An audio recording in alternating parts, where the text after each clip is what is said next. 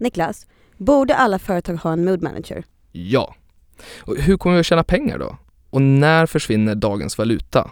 Och hur blir man rolig egentligen? Och har publicisterna en roll i värdekedjan om fem år? Vilka egenskaper krävs för att leda framtidens organisation? Det här är Våra vänner, en podcast där Bonnier News Brand Studio träffar människor som vi beundrar eller dissekerar ämnen som vi är nyfikna på. Och så ber vi ju våra gäster att avslöja metoderna och nycklarna som ligger bakom deras framgångar.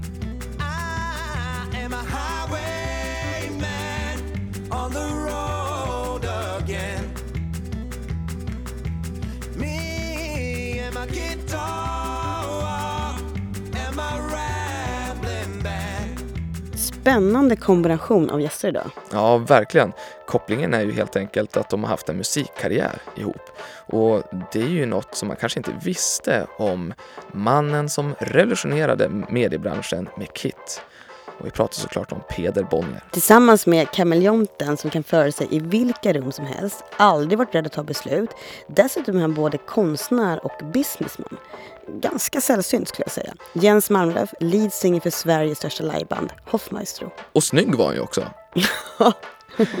I det här avsnittet så pratar vi bland annat om är framgång en slump egentligen? Mm, och är mediebranschen urvattnat på talanger? Jag heter Niklas Hermansson. Och jag heter Anna Arvidsson. Du lyssnar på Våra vänner, en podcast från Bonnier News Brand Studio. Nu kör vi.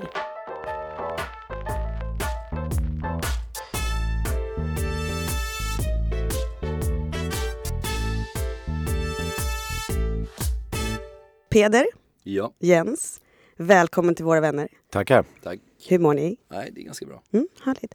Hörrni, i den här podden så träffar jag och Niklas människor som vi beundrar. Mm, exakt. Under hela era karriärer, så som jag har sett det i alla fall och så som jag, jag och Anna ser det, har ju ni liksom rivit murar och förändrat vad en upplevelse ska vara inom olika branscher. Då. Oj, tack. Jens, Mm. vi beundrar dig för att du alltid gått din egen väg. väg. Mm. Vet exakt vart du är på väg och får alltid med dig rätt personer. Du har en talang att se in i framtiden. Du vet vad som funkar och inte. Men kanske ännu viktigare så vet du innan saker är ute att de är ute. Du är en kameleont som kan föra dig i vilka rum som helst och du har aldrig varit rädd för att ta beslut. Dessutom är du både konstnär och businessman. En kombination som är sällsynt. Oj, tack snälla. Jag Känner du igen dig? Ja, absolut. I vissa grejer, i vissa grejer så, så är det mycket mer slumpartat tror jag. Än vad du tror att det är. Men tack, jag tar emot det med ödmjukhet. Kameleont, är det då alltså att du anpassar dig eller är det så att din personlighet passar ändå i många miljöer? Jag har haft tur att få hänga med så mycket olika människor eh, från alla olika så här, samhällsklasser och från olika delar av världen och allting. Och, och jag tror att eh, ju tidigare man hajar att eh, det finns massa olika kvaliteter överallt som alla går att ta vara på så, så blir det mycket roligare att göra det och, och framförallt att vilja ta till sig allting. Peder, året är 2015. De svenska publicisterna hänger på repen mer än någonsin. Medan de sociala plattformarna suger i sig deras syre, användarnas tid och annonsörernas pengar. Då gör plötsligt en riddare entré på sin vita häst. Han kallar den Kit och branschen är förtrollade. Få förstår affärsmodellen men priserna regnar över det hypade bolaget. Bakom spakarna sitter arkitekten Peder Bonnier, den modige och frispråkige entreprenören eh, som alltid gått sin egen väg, precis som Jens. Han som inte räds någon eller något. Men det vi beundrar allra mest med dig Peder, det är din smarta hjärna och din trollbindande personlighet. Man vill liksom alltid vara nära dig så tack för att du är här och tack för att du finns. Det var lite så när jag såg dig i repan och återigen så blir det så här konstigt att man, det är så konstigt, alltså, man vill vara nära dig. Det är konstigt. Det Det är där. väldigt snällt. Det, vissa personer har det där. Ja, men tack för det. Du sa ju själv att vi började prata om att, eh, att eh, är du en sån som, som är en hejis, som pratar mycket och känner många? Det tror jag, att jag är en hygglig hejis. Jag är en så här, in, men jag är också ganska blyg. Mm. Så jag är inte en bra hisspratare. Vi har ju båda identifierat att vi tycker att ni är väldigt modiga. Hur blev ni så? Alltså det är ganska slumpartat och sen så tror jag också att man, allting sker i myrsteg. Liksom. Det, det som i efterhand skrivs om som till exempel en modig handling var egentligen typ kanske 20 ganska slumpartade och eh, små modigheter along the way. Till exempel så, så började det med att vi började spela, eller jag började så här, jag skulle liksom, jag signade som en ensam pojke med gitarr och skulle sitta och vara söt ungefär. Och upptäckte att det var ju skitsvårt att få det man ville av publiken då. Så då blev vi fler och fler och fler och dessutom så var det ju mycket roligare att göra det. Och eh, jag hade så mycket musiker runt mig som var duktiga så att jag kunde liksom sätta ihop ett litet all-star gäng av dem. Eh, och sen innan man visste ordet var av så var det det enda som gick att gå upp och säga. Mm. Så det var egentligen kanske inte ett så... Eh, att man bara gick upp och tog den. Utan det kanske var mer att det växte fram. Och jag tror att det är så... Det är ganska mycket med, med allt som uppfattas som modiga grejer. Det är att man gör det mycket mer i små grejer och sen i efterhand så när man tittar på det så bara, ja men det där var ju fan bra och det Mm. där var modigt och det där var smart. Men väldigt ofta så sker det i små, små modigheter along the way. Och många fel också. Vad säger du Peder? Men jag ser nog inte heller mig själv som en modig person. Jag tror jag ser mig själv som en ganska så här rädd och feg person. Men jag tror att det där som Jensa säger är klokt. Alltså, dels gör man ju väl, eller i alla fall jag gör väldigt sällan saker själv. Alltså jag kan inte säga att det är någon av de här grejerna som, som, som ni pratar om här som, som jag tycker att det var jag som gjorde. Eh, utan i alla de fallen så upplever jag att det, var någon annan och sen så kanske jag stod där Vad är din roll då? någonstans liksom och, och a, helt oförtjänt tog credit eller eh, helt välförtjänt tog skulden för något liksom. Så, så tror jag det. Men jag, jag tror det Jensa säger om, om compounding, eller vad man ska säga, är, är, är jätteviktigt. Det är så väldigt sällan saker är helt binära. Så här, om du vaknar upp en morgon och så bara, ja, nu händer det. Utan allting liksom ackumuleras över tid och väldigt, väldigt många små saker och små beslut gör att man antingen bara kört in sig själv i en sån hård återvändsgränd så att det bara finns liksom ett val. Ehm, eller att man har skapat tillräckligt många möjligheter på vägen för att göra det som man verkligen vill. Jag är ju liksom en person som vänder i kasinodörren till exempel. Jag är liksom otroligt riskavers. Men har ni ett behov att förändra? Vad är er drivkraft? Rastlöshet har väl alltid varit en av mina. Jag blir ganska snabbt uttråkad liksom. Och det är på gott och ont liksom. Men det går ju såklart att använda och framförallt så är det ju så att eh, hittar du fler sådana personer runt dig så blir det ju också ganska lätt att någon pallar vara lok den dagen man är låg och så vidare. Och eh, därför tror jag också att det är verkligen en av, eh, en av grejerna man måste göra. Att under resans gång också sålla lite och få in och ut folk och sen innan man vet ordet så bara fan shit. Som jag sa till min eh, till Kaliffa som jag spelade med häromdagen. Shit, vi gjorde vår första låt för 22 år sedan. Mm. Och det är så här, man- aldrig tänkt på det utan det bara händer. Du vet. Är du rastlös Peder? Eh, ja men jag är nog ganska rastlös också. Mm. Eller jag, jag vet inte om det är rastlös, jag är nog ganska missnöjd. Eh, jag tror att det, är- det är nog min så här, det, det tror jag är liksom, det tror jag är, det tror jag är drivkraften över allting annat. Det är att liksom, jag, jag- tror jag är ganska missnöjd. Jag tycker liksom alltid att saker borde vara bättre. Men vill ni göra skillnad? Eller låter det för fint för dig Peder? Ja det låter för fint. Visst är det så? alltså, Det jag låter tycker fint. det känns eh, Ja, pretentiöst. Ja, ja, det känns Ja, pretentiöst. Just det. Jag tror jag vill göra någonting bra. Mm. Och sen så tror jag att jag hoppas att det kan göra skillnad. Just det. Och varför vill du Eh. göra saker bra? Ja men det tror jag är just den här grundmissnöjda inställningen till tillvaron. Men, men är du en sån person som så, så här, och nu är det för varmt eller och nu är det för kallt? Alltså, Nej, jag, jag tror inte jag... Ja, jag vet inte. Det här ska man ju inte fråga mig. Här, det här ska man ju fråga min fru eller mina barn eller mina kollegor. Mm. Om jag liksom är en gnällig person.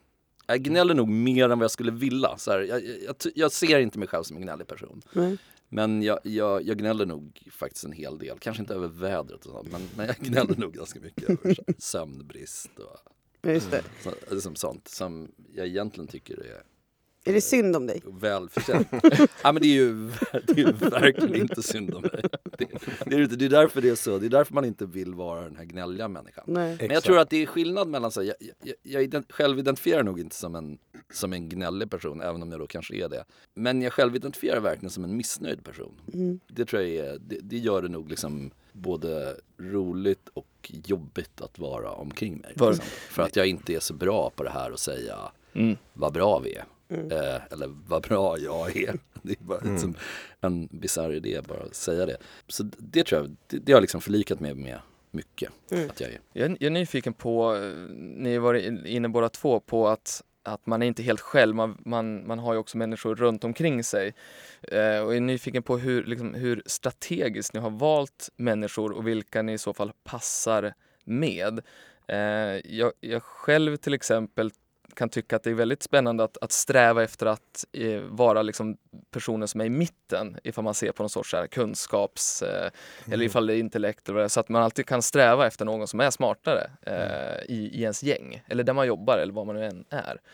Eh, men det är också jobbigt att vara längst ner eh, för då kan man bli lite eh, feg eh, i det. Mm. Eh, samtidigt finns det de som säger också att, att du är ju så smart så som din omgivning är.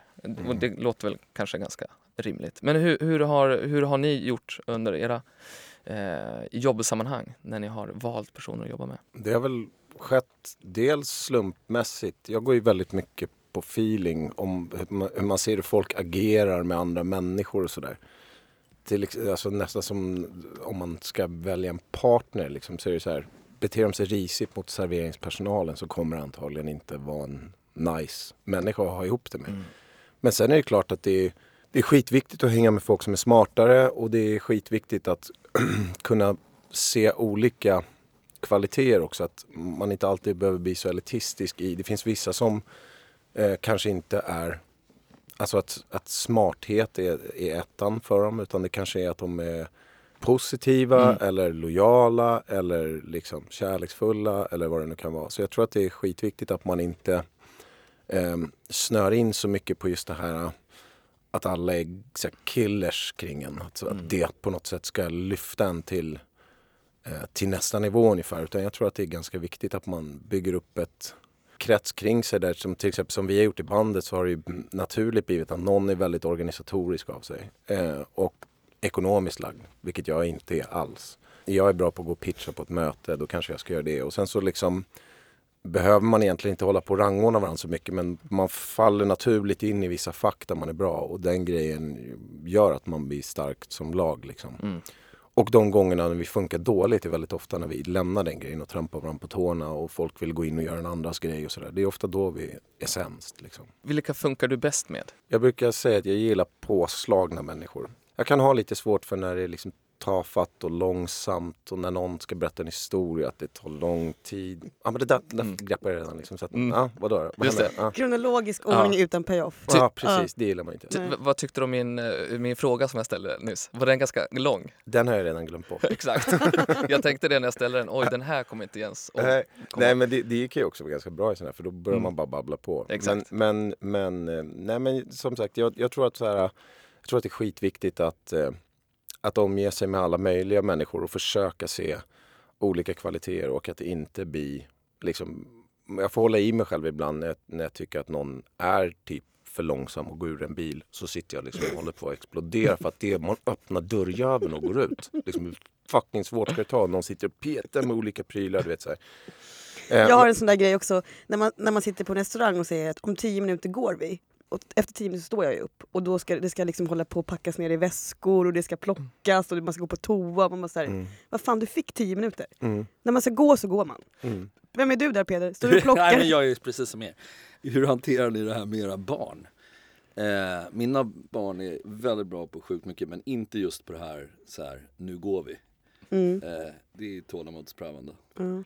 Jag brukar, vet, rätt eller fel, men att liksom hela tiden flagga upp. Så här, nu, är det, nu är det 20 minuter kvar, det betyder att du kan kolla ett avsnitt till, sen kommer det hända det här. Att man liksom hela tiden berättar nästa händelse. Ja. Så att det inte kommer som en chock. Kom, ja, men det är bra. Jag har en tendens att chocka tror jag. Du har ju inte ens chocka. Ja. Du är ju såhär, nu är jag av. klar. Nej men du vet, du ser någon mm, fibbla med skon. Du vet, så, vad är det med dig? Liksom? På med dojan. Jo men faktiskt lite för ibland, livet är lite så också. Så att ibland är det lika bra att lära ut den grejen. Att så här, det, är, det är ingen som kommer att acceptera att det tar dig sex minuter att sätta på dig en cardboardbandad sko. Nej så är det ju. Och då kan man ju vara, då får man ha i sig själv. du vet.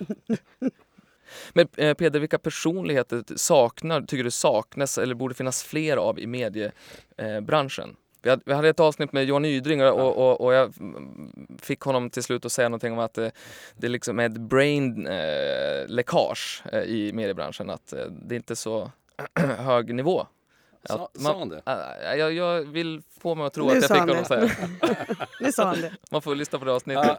Att man väljer andra branscher helt enkelt. Därför att mediebranschen är inte så intressant längre. Nej, men jag, jag håller inte med om det. Jag, jag är liksom förvånad över hur många människor som fortfarande tycker att journalistik och innehåll generellt är viktigt. Jag tycker det, jag tycker i alla fall om man tittar på de sista ja, men fem åren så har det intresset liksom snarare ökat än minskat och också liksom utanför, utanför journalistkåren. Att även liksom på den kommersiella sidan och bland utvecklare och ehm, ja, men, här, i samhället i stort upplever jag så, så har det liksom kommit en ökad förståelse kring att bra och väl genomförd journalistik och en slags journalistisk process har liksom stort samhälleligt värde. Mm, mm. Det upplever jag liksom. Jag kände nog att det här var värre när jag flyttade hem till Sverige 2010. Då, då upplevde jag att då var det nog svårare Mm. att attrahera liksom, talang än vad det är idag. Det finns så många andra liksom, stora värden i att eh, skapa förutsättningar för ett liksom, bra historieberättande som, som jag upplever är attraktivt på arbetsmarknaden också. Mm, Så att mm. jag skulle nog inte säga att jag tycker att det är en brain drain Nej. från media. Sen om man tittar i ett liksom mycket längre perspektiv, who knows? Det, det är i alla så fall innan min tid. Eh, Jens, du, du har ju haft ett, eh, vad ska man säga, hat och kärleksrelation till media. Jag hade ju mycket att göra med de så kallade rockjournalistik... Eh, Journalisterna. rockjournalisterna. Ja. Och det var ju eh, väldigt, alltså liksom väldigt mycket folk som var liksom i deras värld rockstjärnor själva och sättet man liksom, det var inte riktigt igång med klick då ännu. Men det var ju fortfarande sättet att få liksom lite surr om sina artiklar och skit var ju att vara ungefär så elak man kunde. Det var väldigt lite musikjournalistik då som gjordes på saker man gillade utan det gjordes mycket mer på saker man ogillade. Eh, och det är väl lite som det är nu med sociala medier att liksom saker som är negativa driver mer trafik för det blir större bass kring det och sånt där. Men eh, det, är väl samma sak där. Man, man kan ju särskilja på liksom så här, vad som är någon som gör ett jättedjuplodande reportage i liksom Sudan mot, du vet, Mm. någon som sitter och skriver om att de tycker att Mello suger. Liksom. Det är två, två olika grejer. Men i, i regel så tycker jag väl att det är positivt att vi ändå har rört oss mot någonstans i alla fall, som nu, snackar jag nyhetsgrejen då, att man liksom har mycket större valmöjligheter. Jag kan ju ibland sitta och lyssna på både folk långt ut på vänsterkanten och folk långt ut på högerkanten och sen så fattar man att okej, någonstans här ligger nog det jag tycker. Hörrni, man kan ju fundera på, alla ni som lyssnar, varför Peder och Jens är tillsammans. Förutom att de står längst fram på barrikaderna. Ni går ju faktiskt way back. Ja. Mm.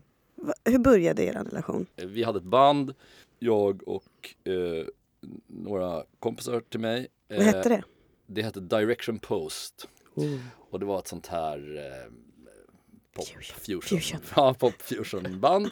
Det här är ju liksom 90-tal. Mycket fusion. Det är Incognito och Jamir och Kwai och liksom sånt där Oh, som gäller. 93 tidigt, Ja, alltså, Nej men eller? 95. Fem, så här.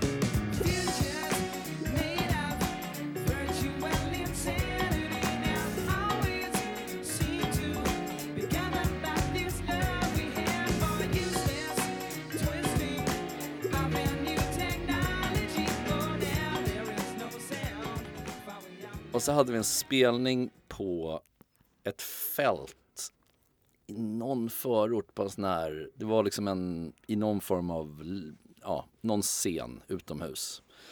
Och så hade den här trummisen sagt att han skulle ta med en polare som skulle rappa på, på den här spelningen. Och det passade ju skitbra så det tyckte vi var kul. Men jag kommer inte ihåg det som att vi hade repat eller liksom att, att det var någon, att det fanns någon förberedelse för det här. Det finns inte i min minnesbild. Och sen kom kompisen, typ en timme innan spelningen. Och det var Jensa. Och han hade ett sånt sjukt surr. Eh, alltså det var verkligen otroligt roligt. Det var en sjukt rolig timma. Och sen spelade vi och Jensa rappade och var svinbra. Eh, så på riktigt superbra. Och så kommer jag Ja, ihåg det, det. kan fan, det kan nog stämma. Jag, jag kommer inte ihåg det, men när du säger fält.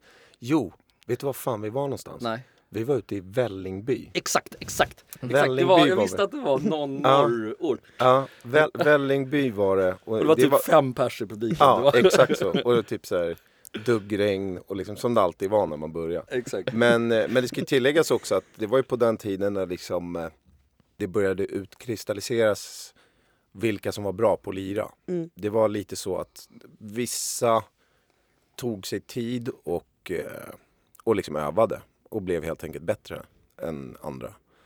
Och då var det lite så att eh, deras band lät bra. Alltså redan då lät de faktiskt typ, typ professionella. Vad var din roll i bandet? Jag spelade keyboard då. Aha. Så jag hade spelat, eh, först spelade jag piano när jag var liten och sen så hade jag spelat bas ett gäng år. Så ville jag spela med de här, det var liksom ett specifikt band som jag ville spela med. Och han, den där basisten som är en jättebra kompis med han var ju han var otroligt mycket bättre än vad jag var.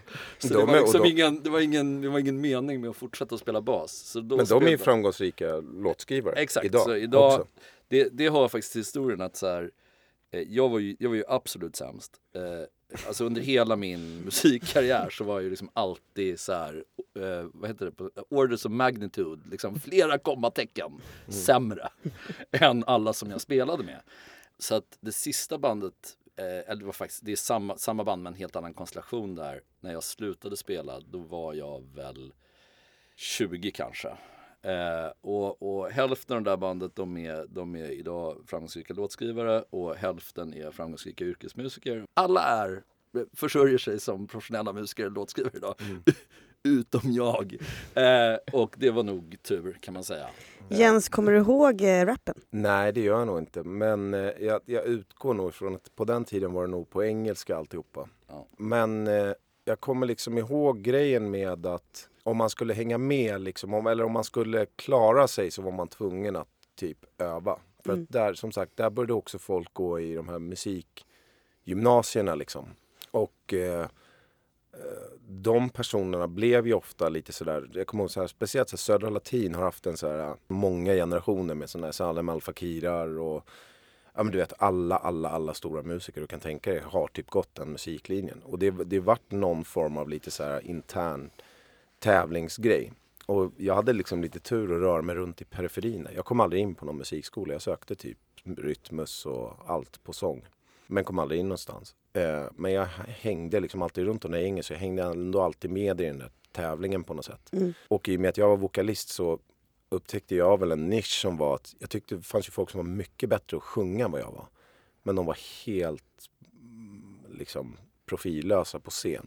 Så det var liksom ett öppet mål i den sfären. Så att, och de här banden behövde alltid någon som kunde liksom ta tag i du vet, frontfigurrollen. Hur gamla var du då? Eller hur gammal är du då? När du liksom inser att du kommit in men att... Men då var jag väl typ, när började man i gymnasiet? Så här 16? Ja just det, typ, det är gymnasiet. ja. Ja, Och när ni är på det här fältet i Vällingby och fem Det personer. måste varit innan tror jag. Mm. ja, Ja, jag men det pre- precis i den där, alltså Mm. 8-9 typ. Och sen dess har ni varit kompisar? det är också det som är lite, lite roligt att så här, genom åren så, så här, jag kommer ihåg att vi spelade också på Nypans spritparty, kommer du ihåg det? Min storebrorsa hade en innebandyfest typ. Där vi då skulle säga, ja men brorsan har bandy, band, de kan lira. Och så var det typ vi och Didrik och de, så åkte vi dit och stod på en jävla scen och folk var så jävla ointresserade. Vi spelade ju liksom så här. De ville ju ha så här oa hela natten typ, eller du vet liksom. Och vi spelade, ja men som sagt lite så här fusion-grejer med så här rap på engelska och du vet, slutade med typ att det blev så här knytnävsslagsmål och du vet.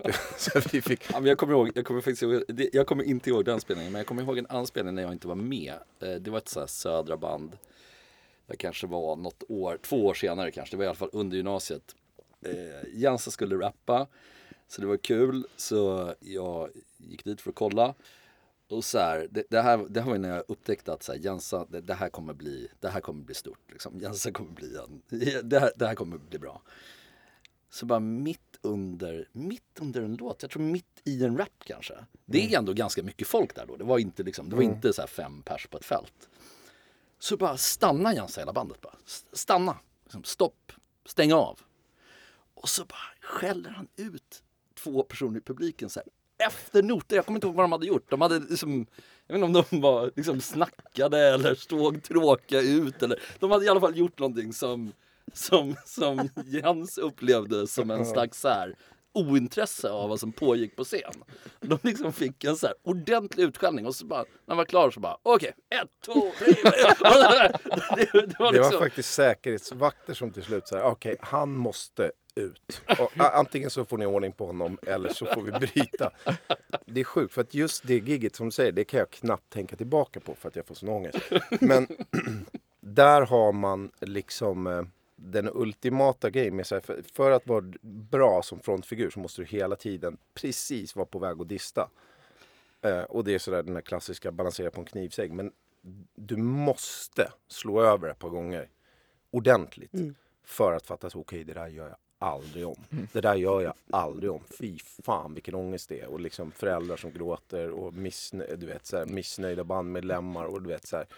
Man, men man måste göra det. Det sjuka är att jag tyckte ju alltså det var helt fantastiskt. Det var ju liksom det, det var ju typ en, det var en stor konsertupplevelse för mig. Har man ändå varit på några men jag tror att- ordentliga konserter. Här var liksom ett gäng Jo, men det är det så som är- 17-åriga Ja, men det- 17-åriga musikstudenter från Södra Latin liksom. Men det var så sjukt. Men var vad så, hände? det Vad hände? Ja, vem måste grotta mer i det här Jag kommer faktiskt. jag Nej, men jag, jag, jag, kommer kom, jag ihåg. kommer ihåg det typ. Men det, det, var, det var riktigt illa. Men vad var Men, det? nej men det var, det var bara människor som störde mig. Och jag har ju gjort om det här. Ja, jag har varit med faktiskt. Du har varit med en gång, jag har gjort om det här. Liksom. Och det är så jävla sjukt för det kan vara... För mig så blir det så, det är så svårt att förklara. Men jag kan typ ha 15 000 personer som står och hoppar och är glada och jag ser bara en person som står och ser sur ut. Och jag kan inte tänka på något annat. Jag börjar sluddra låttexter för att jag kan inte få ur den där personen i huvudet. Och det är såklart sinnessjukt och extremt oprofessionellt. Men jag tror att också den grejen, precis som när vi var i den åldern, så var det det också som gjorde att det var så här, wow. Folk började komma, inte bara på våra shower, inte bara för sådär att vi var bra på att spela eller hade bra låtar, utan lika mycket för vad kommer hända? Kommer det skita sig? Det är liksom lite sådär som att kolla på en bilkrock. Liksom. Men, men, men försöker du komma ifrån det här? Men det är ju som jag säger, det, det, och det är skitviktigt för att hålla sig liksom bra också. Alltså att du måste palla eh, gå över gränsen ibland och mm, liksom det är ju som hade jag varit en ännu bättre artist så hade jag nog gjort det här ännu mer i privatlivet också. Du vet, då hade jag nog kört in en bil i en hotellobby någon gång. Du vet, eller något, alltså du vet, det, det, Rastlös. Ja, men inte bara rastlös. men Man måste vara lite sjuk i huvudet liksom, för att vara en bra... Man måste vara lite galen. Ja, så är det. Men du kanske får energi ändå utav den här personen som står där och ser sur ut. Nej, men det, det, är sjukt, det är jättekonstigt att man kan ha det så. Men det är också som, som sen ni frågar om man var gnällig. Ja, alltså jag, kan, jag har en tendens att kunna så att, göra tio bra grejer och bara se den dåliga.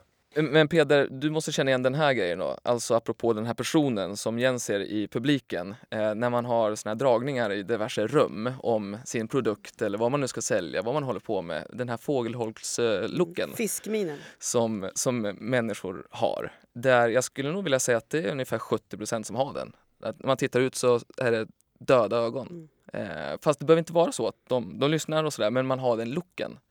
Känner du igen det här? Ja, det är klart att man ibland gör en dragning och folk ser ointresserade ut. Det, det, så är det ju.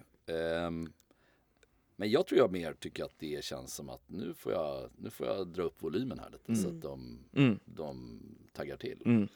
För jag är mer som Jens där då, i, i våran värld. Att jag kan vara sådär, ja fast vi sa ju inga mobiler och inga datorer.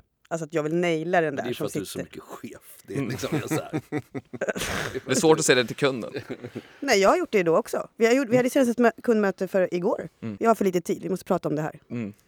Jag är nyfiken på ifall ni hade en eh, tidsmaskin, eller ni kunde åka tillbaks i tiden och ändra någonting i, karriär, i, er, i, er, i er karriär.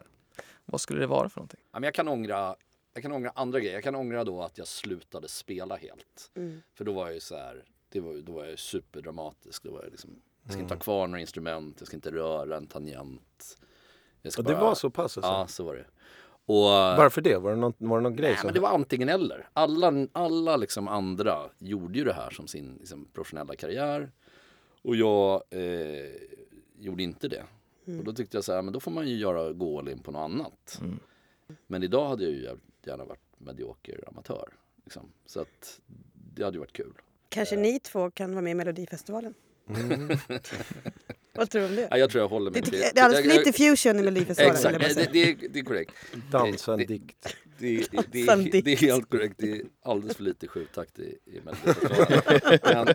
men, men, men eh, eh, vi- vilket faktiskt skulle göra Melodifestivalen otroligt mycket intressantare Mm. om det var lite sjutakt. Ja. Men, Det är två, Eh. två tittare till tror jag. ja, exakt. Nej men jag tror jag skulle hålla mig till glad amatör men, men, men det, kan jag, det kan jag ångra. Ja. Nej, men jag, jag vet faktiskt vad jag ångrar. Jag ångrar att jag rökte så jävla mycket hasch. Mm. Faktiskt. För det gjorde jag i tio bast. Alltså jag tycker ju fortfarande om att röka. Men däremot så här. Röka dagligen. Är, man blir en sån jävla väggstrykande sopa Mm. av att göra det. Och där bromsade jag upp ganska mycket grejer. Jag hade liksom kunnat lagt den tiden på att prodda eller på eh, öva sång eller gitarr eller vad fan som helst. Det, Mm. det kan jag faktiskt ångra. För det saktade upp grejer som borde ha hänt lite tidigare. Just det. Det var faktiskt min farsa som sa till mig till och med någon gång när jag och min kusin satt och kollade på tecknad film. Bara, "Ni jävla väggstrykande haschare. Man bara så här, what? Bara, kom man på det. Bara, Vänta nu, är det det vi är? Bara så att man så här, "Ugh", går och trycker sig längs väggarna och är så här, sopa. Men det är liksom, samtidigt så är det så här, ja. Det är såklart att alla mina hjältar som har ju hållit på med musik har ju rökgräs. Och det har, det har absolut jättemycket positiva effekter om du skriver musik eller hit och dit. Det, är- det är liksom så här, att rödtjut och, och gräs funkar med musik är ingen skit, det är inget skitsnack. Men däremot så är det så att också allting måste ju vara rimligt liksom. Mm. Vad har, vad har ni för förebilder? Man har ju såklart eh, massa musikförebilder och som man liksom har rent av har härmat. Vem då? då? Ja, men jag härmade väldigt mycket när jag skulle börja sjunga så härmade jag väldigt mycket en sångare från The Temptations som hette David Ruffin.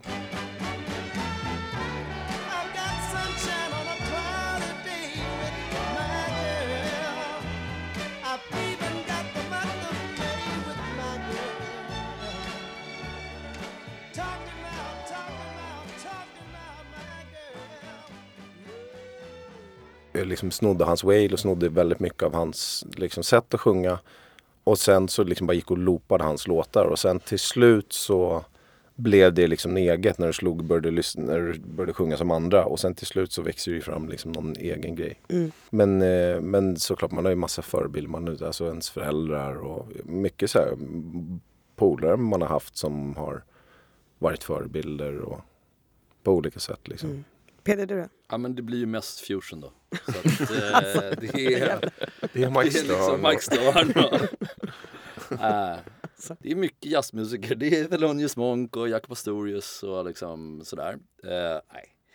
Eh, Jo men det är det väl. så det det är det ju absolut. Kanske inte life-mässigt. Jag är Nej. liksom osäker på om jag hade velat leva deras liv. Men jag hade ju gärna haft deras talang. Liksom. Mm. Och sen tror jag det är väldigt så här. Jobbmässigt så är det ju väldigt specifikt mot de utmaningarna som man just nu har. Liksom, när vi startade KIT så tittade vi såklart jättemycket på många amerikanska publicister gjorde. Försökte använda oss av det som vi tyckte var bäst. Nu när vi säljer mjukvara så är det ju det är så tacksamt för att folk som har gjort det tidigare är så otroligt bra på att dela med sig. Jag tänker så här då. ehm, Jens, om man skulle liksom jämföra ditt jobb, Mm. alltså att vara artist som ett företag och du ska få med dig de här tio männen som det är Mm. eh, på tåget. Vad har du för metoder för att de alltid ska göra sitt absolut bästa på scen? Och då ska man också säga att det är ganska slitigt att här, turnera, vakna ny stad, eh, Mm. liksom man är trött, det, är, det dricks alkohol och, ändå leverera. Alltså det skulle ju vara en lögn att säga att jag alltid har varit loket. Så är det ju. Eh, ganska ofta på turnéer och sånt där så är jag den som är mest trött. För att det, är, det, det är jobbigt att vara eh, gubben i lådan. Och när du är frontfigur så är det du som ska vara det. Mm. Och det, det kan bli jävligt tungt. Men det är också en sån grej som när vi snackar om så förebilder. Som jag måste säga det är två av grabbarna i bandet. Så här som eh, tvillingarna då som är med i bandet, Kalle och John Lindgren. De har alltid varit sådär extremt bra på att se positiva saker i, i liksom när man har det jävligt jobbigt. Att de kan liksom slå om då och börja prata om en. Istället för som jag, jag bara sitter och loopar hur jobbigt det är i huvudet. Så kan de liksom börja prata om något helt annat. En film de såg eller någonting och bara, du vet, stänga det. Du vet, Mm. kan liksom avundas dem att de så här, genuint alltid är intresserade när folk pratar och alltid lyssnar på folk. Sådär, vilket jag hatar hos mig själv att jag väldigt ofta bara stänger av. Mm. Men då kan de liksom sitta för att det såklart är mycket trevligare att göra. Och det enda raka att göra är att lyssna och vara intresserad och fortsätta att ställa frågor och sånt där. Men alltså det som du alltid säger. Nu har du stängt av, nu har du stängt av säger du till Varför härmar du alltid mig sådär Ja, för att kort? du är, du är lite kort. Men eh, så att, så att det är liksom inte alltid att jag har dragit med mig. Men jag tror att jag är nog den i vårt gäng som springer på lite osäkra bollar. Du är alltid jävligt nojig på om det kommer folk eller inte. Mm. Och håller på och går runt i cirklar i logen och Mm. skriker att det är inget Mm. folk där ute. Mm. Vad, vad är det om liksom? Du är snart 40. Vi kallar det för att det är käftfritt. Mm. Eh, och det är liksom har varit mitt sätt att hantera stressen över är vi slut? Är det över? För det tror jag är sån här grej som alla musiker och alla artister och sånt där går runt och det är en jättevånda. All, man vet att det tar slut en dag. Minsta tillstymmelsen till att fan det var, det var liksom 200 personer mer här förra gången. Eh, här, du vet, något sånt där kan bli liksom en total ångestgrej. Liksom. Men jag har gjort det också lite som ett sätt att lura mig själv. Att om jag liksom bara präntar in att det är käftfritt, allt är över och så hoppar jag ut och ser att det är bra. Så får jag liksom ett lyft in i showen istället för att jag kommer ut och tror att nu jävlar, det är vi. Och sen bara nej, det är inte lika mycket folk. Och så får jag den dippen på scenen. Då tar jag hellre den i logen innan och hellre lite upplyft. Har du snackat med de andra i bandet? Hur de... De är så jävla ledsna på mig med det här så det, Ja. det, det är liksom åh, måste han? Åh, Ja. Och i år igen, åh, du vet. Ja. Liksom. Står med pannan mot väggen och typ Ja men alltså det skriker. där, det där är ju liksom en sån här, jag vet inte. Det är, det är därför som sagt jag tror att eh, det, det är en total lögn att säga att jag har varit loket så. Men däremot så är det ju kanske så också att jag har väl var, kanske varit den som har eh, börjat springa mycket i en riktning och sen så har jag haft liksom turen har haft skitmycket bra folk runt mig som till exempel då Harry som är vårt band som har liksom skött vår ekonomi i alla år. Det är en sån här grej som är så här som eh, i och med att vi har gjort det ganska independent. Vi liksom, när jag kom in och förklar- förklarade för skivbolaget som vi var signade på då första gången att vi är ett 11 band och spelar ska. Från att jag hade varit en ensam kille med gitarr som sjöng ballader. Vi vart ju liksom eh, lepra sjuka på, liksom, inom koncernen Warner det då. Fick en härlig bild av dig här nu, eh, att du sitter och kör eh, covers på afterskin i Åre. Uff. Är, Ja, det en, är det en mardröm? Nej, det är väl alltså liksom inte för att jag vet att det kommer jag aldrig göra. Men däremot så är det så att jag kan ju absolut, du vet så här, bli vansinnig när någon sitter och gör det. Och jag ser att folk, mm, de tio som kanske tittar på, beter sig respektlöst. Det kan göra mig helt vansinnig. Mm. Eller liksom när någon sitter och sjunger jättefint på en Ålandsbåt i någon pianobar. Vill bara ge personen en Mm. kram. För att det är ju såklart någon som har haft mycket Mm. större drömmar med största sannolikhet. Fick den bilden, eh, eftersom du började prata om liksom, när blir man avmickad, eller du sa inte exakt så, Mm. men den Mm. rädslan och sen Mm. också vetskapen om att varenda gång man är i Åre och det är afterski och så Mm. kör de cover, eh, någon låt av er, då är det ju liksom som mest röj eh, varenda gång. Ja men det är ju en grej som, jag, som har gjort att vi, vi har börjat tappa de gigsen.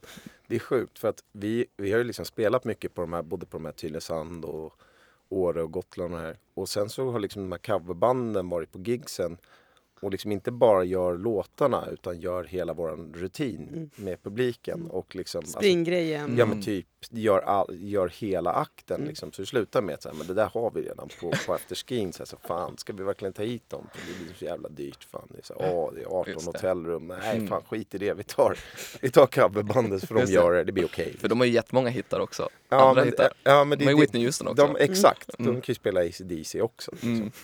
Men det där, är, jag vet inte, det, där är, det är faktiskt lite sjukt. Mm. Är, Peder, är, är du rädd för att bli avmickad?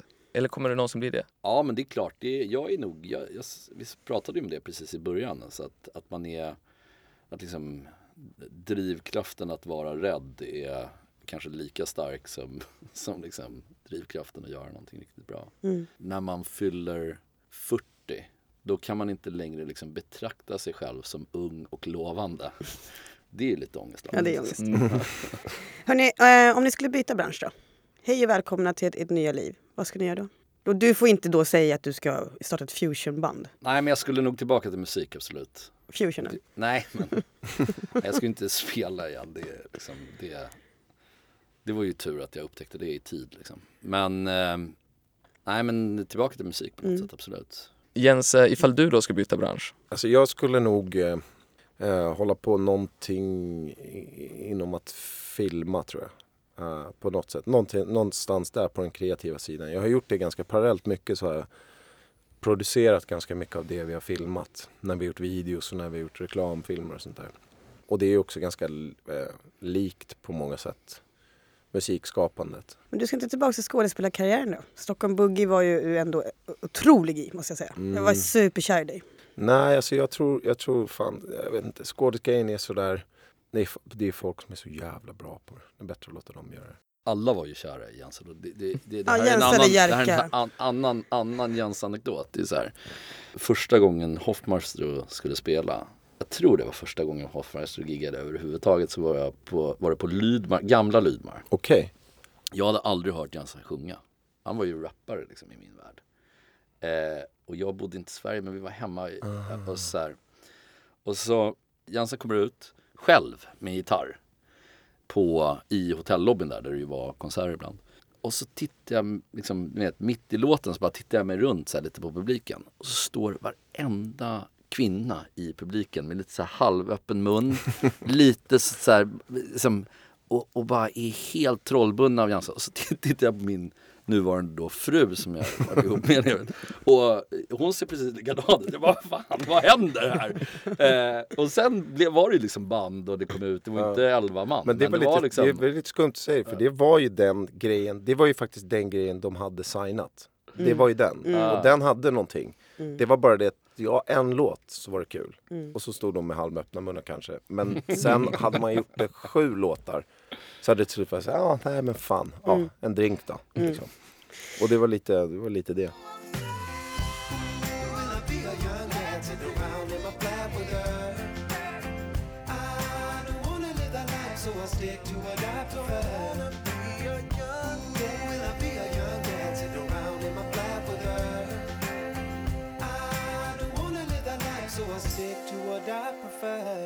Men hela det här med att vara i banden, särskilt kanske då innan man är ihop, är ju väldigt mycket att eh, man får väldigt mycket uppmärksamhet såklart. Eh, du har ju berättat för mig en gång att till exempel att man skriver ballader för att få tjejer. Men det är väl klart. Det där, är, det där, kan, det där kan i alla branscher. Tror jag. jag tror att det där är, bara, det där är biologi. Och Du- det får man inte säga, men det, det tror jag. Alltså det, det, det är såklart att du gör dig eh, så attraktiv du kan för det motsatta könet, eller för det könet du är intresserad av. Jag kom på, på det Peder, du har ju också din ballad. Det är väl Kit Explainern då? Det är Nej. väl en exakt alltså det- linje där. Ja, ja. Oj, vad du får tjejer på exakt. den. Ja. Exakt, verkligen.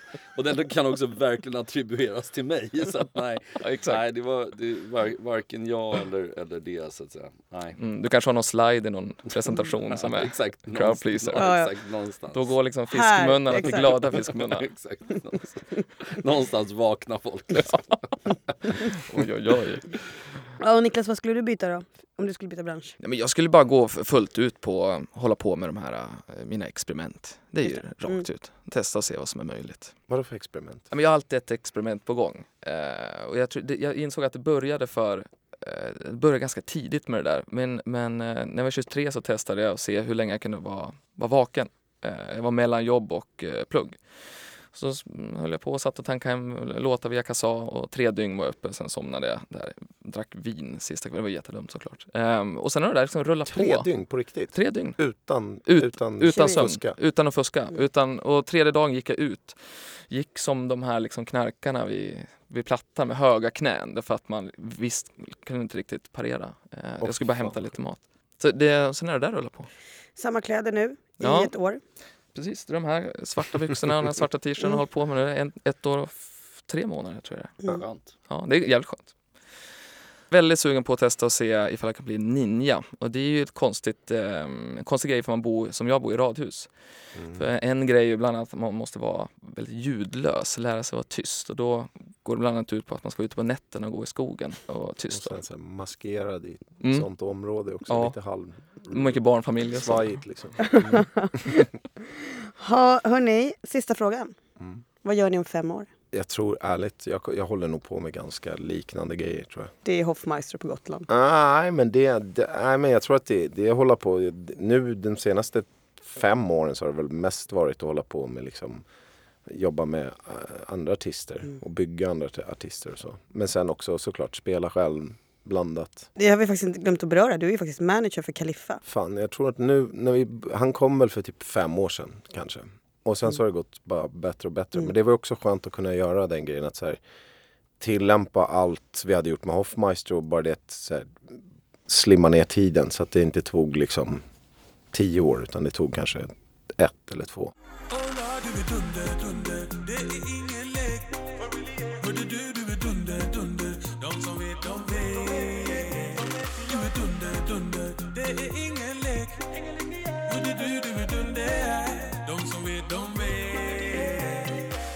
Går det liksom att bryta ner enkelt för dig då att säga så här, men det här är de tre nycklarna som jag lär liksom, för att bygga en artist. Så nu, det här är vad jag kommer att ta vidare när jag bygger nästa artist. Ja men en, en grej, du måste, ha, du måste ju ha liksom eh, realkapitalet. Du måste ha en bra artist till att Mm, börja med. Någon som, är, någon som är hookig som figur. Sen måste du ju såklart ha de bra låtarna. Men sen så är det ju, jag tror ju väldigt mycket på den grejen att man är ute och spelar. Jag tror, jag vet inte, det, det, nu så skulle jag lägga till den här sociala media-biten är såklart sinnessjukt viktig. Kanske till och med den viktigaste nu för tiden om jag ska vara ärlig. Men, eh, men jag tror sk- skitmycket på att man ska kunna hantverket ordentligt för då behöver du aldrig gömma dig. Då kan du alltid luta dig tillbaka på det. Speciellt när man liksom, den är ju, den är ju upp och ner hela tiden. Mm. Då kan du alltid luta dig tillbaka på att du är duktig. Liksom. Och hookig, hur är man då? Kaliffa är ju hookig. Ja, han är en hookig figur. Men det är ju liksom också sådär, han var ju liksom snudd på en stjärna redan innan han hade en låt ute. Så var han ju, han har ju gjort låtar med folk sådär och gästat och så. Men han, han var ju liksom hookig som figur bara. Alltså du vet, bara när han kommer in i ett rum så blir det en speciell känsla. Och ofta så blir folk glada liksom. Mm. Eh, och han är högljudd och är två meter lång och liksom har färgglada kläder och liksom är skitbra på att sjunga. Är du en hookig figur? Nej.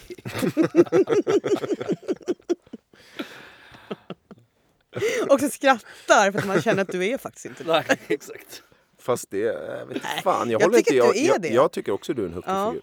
Jag håller inte, jag håller inte alls. Men jag tror att hooken är att man inte kan hitta vad hooken är. Det var ju som jag sa från början, att man, man är nyfiken på Ben. När man ser honom blir man glad. Jag vet inte riktigt varför. Mm. Eh, det är kvar att utforska. Det Jag har haft kanske... flera luncher med Peder innan jag lärde känna honom bättre än nu. Där jag liksom inte riktigt vågade fråga vad han pratade om. För jag förstod inte vad han pratade om. Ja, det- Jag tyckte bara om att lyssna på honom. Ja, så är det ju. Ja. Han hade ju en, en dragning för hela Bonnie Newsbrand studio på ungefär en timme. Eh, som jag vet att jag, jag tror jag skickade någon beröm till, till efteråt och sådär. Men det var ju också mycket att man fattade hälften kanske. Eh, och hälften fattade man inte. Man kände sig smart ändå när man gick därifrån. Ja, men Ja. det är ju målet. Det är ju Mm. bättre, Mm. bättre att du känner dig smart än att jag gör det. Liksom. Tycker jag är... Faktiskt. Då har man väl lyckats med något. Det, Ja. det är som den här gamla så här, anekdoten om de här två brittiska premiärministrarna som heter Gladstone och Disraeli. Har jag berättat den? Nej. Okej. Den ena, jag tror att det var Gladstone, då, när man hade pratat med honom så kände man att han var smartast i- liksom den smartaste personen man någonsin hade träffat. Och när man hade träffat den andra som hette Disraeli då kände man att man själv var den smartaste personen man någonsin hade träffat. Man vill ju mycket hellre vara Disraeli. Just det. Liksom, det, är ju, det är ju liksom, det är ju ett mål. Ja. Du, men du har ju en annan grej också. Jag brukar ju, jag har erkänt för dig, jag brukar ju boka bo, lunch, lunchbord i ditt namn. Fast, även fast du inte är med. Då får man ju alltid det bästa det är bordet. Det är jättepsykiskt. därför jag får, jag går ju aldrig ut och äter men ibland så får jag bord så här. Det, det är för att du äter där så sjukt ofta antagligen. Det är det. Får, alltså man får, det kan jag verkligen tipsa alla. Säg att ni heter Peder Bonnier, då får man smarrbord på gud. Stockholms restauranger. Superbra. Och sen så kan man väl bara liksom skicka in så fixar du numret eh, till Peder och sådär. Ifall man måste ha det kanske. Nej, man behöver inte ge ut något nummer. Nej, det måste man inte. Nej. Nej. Eh, Men det är kul ifall Jens Malmlöf, notiser. Jens Malmlöf funkar inte lika bra. Inte lika bra. Nej, nej. Fascinerande. Mm. Hoffmeister men Jens eh, då? nej tack. Ja, Hoffmeister-Jens kanske går bättre. Ja. Ja, då tänker de ju så att någon så står på bord och solar flaskor. Då blir det E-Types Vikingabar. Där kommer det in. Där är det lugnt. Det här är lugnt ja. Okej, vad, säger, vad säger du då Peder? Vad gör du om fem år? Det sanna svaret på det är ju att jag vet inte, för man vet ju aldrig. Men jag hoppas att jag driver det här bolaget som jag driver fortfarande. Mm. Och att det är lite större. Mm. Att vi har liksom lyckats åstadkomma det som vi vill. Det är så sjukt när man pratar om sådana här så känns det så långt fram, fem Mm. år. Men när man backar och tänker vad gjorde vi för fem år sedan? Så har det gått svinfort. Jag tycker liksom, tid är så sjukt konstigt. Vissa grejer känns ju som, ja det var igår. Och andra grejer känns ju som att det var otroligt länge sedan. Och saker som i tid kan vara längre sedan kän- kan kännas närmre. Shit vad det Mm, och då kan jag bygga på Det de där var klyschorna. helt o- oförståeligt. Och allt Det är är... helt Ja, oförståeligt. det var det. All, och allt är också bort det. två eller tre år sedan. Ja, Ifall man, så här, ja, hur länge sedan? Ja, två, tre år sedan. exakt så. Men då syns vi om fem år då. Det gör Och vi. så kollar vi hur det har gått. Otroligt. Kul. Det gör vi. Tack.